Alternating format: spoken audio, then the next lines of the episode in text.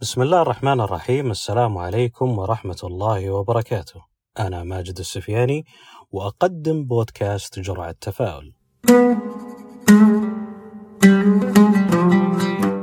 أهلا بكم وحياكم الله في هذه الحلقة واللي عنوانها الراحة تدمر حياتك. نعم الراحة تدمر حياتك. طيب وش الراحة اللي تدمر حياتي وكيف الراحة تدمر حياتي؟ كل يوم نتعب ونصحى الصباح ونروح الدوام عشان نشعر بأننا أعضاء فعالين في المجتمع ولسنا عالة وعبء وعشان نستلم راتب ومنه نبني أسرة ونفتح بيوت ونعلم أولادنا ونربيهم ونشتري سيارات ونسافر وحنا مرتاحين فكيف الراحة تدمر الحياة؟ طيب أنا بستعرض معاك تعريفات مختلفة للراحة المدمرة وفي النهاية جميع التعريفات تصب بنفس النهر واحدة من التعريفات تقول بأنها منطقة وهمية تستخدم مجازا للدلالة على حالة نفسية يعيشها الفرد بحيث يشعر بالسعادة وبالراحة وبالطمأنينة ورضا كبير عن نفسه وعن معلوماته ومهاراته والأشخاص اللي يتعامل معاهم كل يوم والمكان اللي يتواجد فيه بشكل ثابت وغير متجدد أبداً. تعريف ثاني هي حالة سلوكية يمارسها المرء من خلال مزاولته للحياة الروتينية بعيدا عن التغييرات التي قد تجلب الخطر النفسي لصاحبها يعني مثل التوتر والقلق والارتباك والخوف وغيره. تعريف إضافي ثالث هي الركون للراحة والروتين المعتاد اللي نعيشه بشكل يومي. وطبعا هناك في تعريفات أخرى كثيرة كلها تدور حول معنى واحد وهو الروتين اليومي المتكرر. وأن كل يوم هو نسخة اليوم اللي قبله ونسخة اليوم اللي بعده واللي بعده. ونكتشف لاحقا أنه مر أسبوع شهر سنة سنتين على نفس الوضع وهكذا.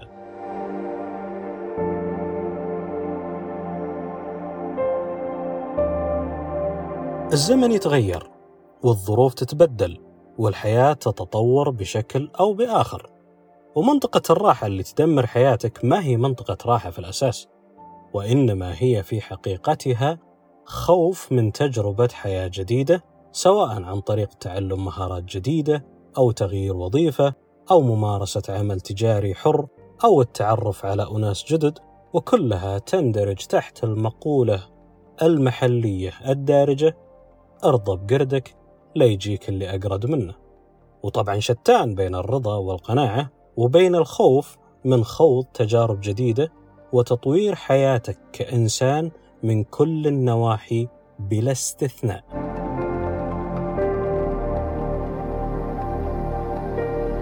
ما في إنسان ما يحب الراحة وهي أكيد هدف أساسي في حياة كل فرد فينا.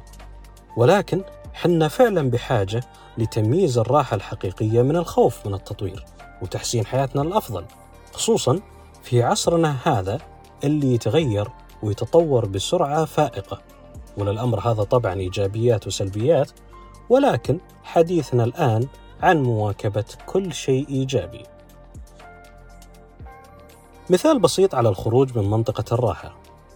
تبغى تغير جسمك إلى جسم رياضي ورشيق لازم تتدرب وتتمرن وتلتزم بغذاء صحي واللي غالبا مو لذيذ.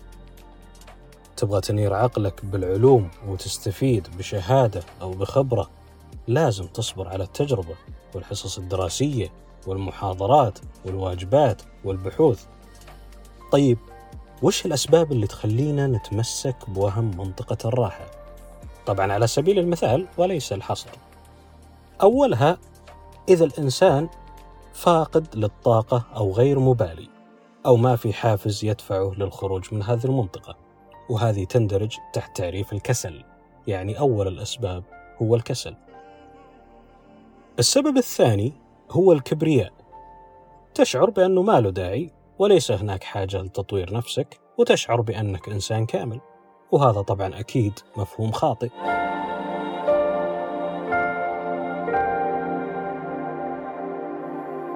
السبب الثالث الخوف وهذا أهم الأسباب. خوف من مجهول أو خوف من رأي الناس فيك أو الخوف من الفشل. في هذه الحالة لازم نتذكر أن الأشياء الجميلة دائما تقف من الجانب الآخر من الخوف. بمعنى أنت واقف الآن على الضفة هذه أمامك وادي وهناك شيء ثاني جميل ينتظرك في الضفة الأخرى. هذا الوادي وادي الخوف يجب عليك أن تعبره وتصل للشيء الجميل في الناحية الأخرى. دائما الأشياء الجميلة تقف من الجانب الآخر من الخوف.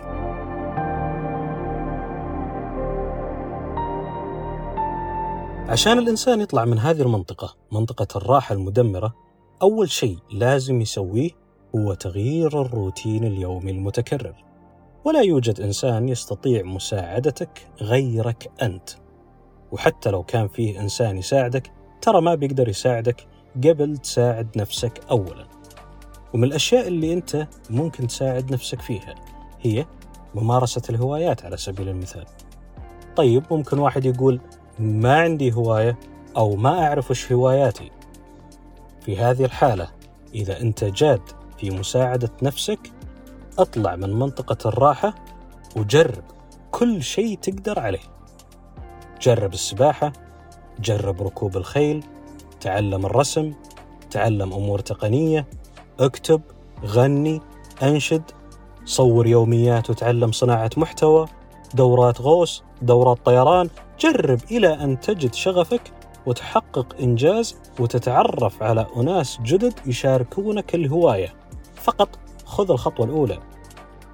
الشيء الثاني اللي يساعد في الخروج من منطقة الراحة وعدم التطور هو عدم قول لا. للفرص. تجيك فرصة جميلة ممتازة لا تقول لا أبدا. استغلها واستمر فيها.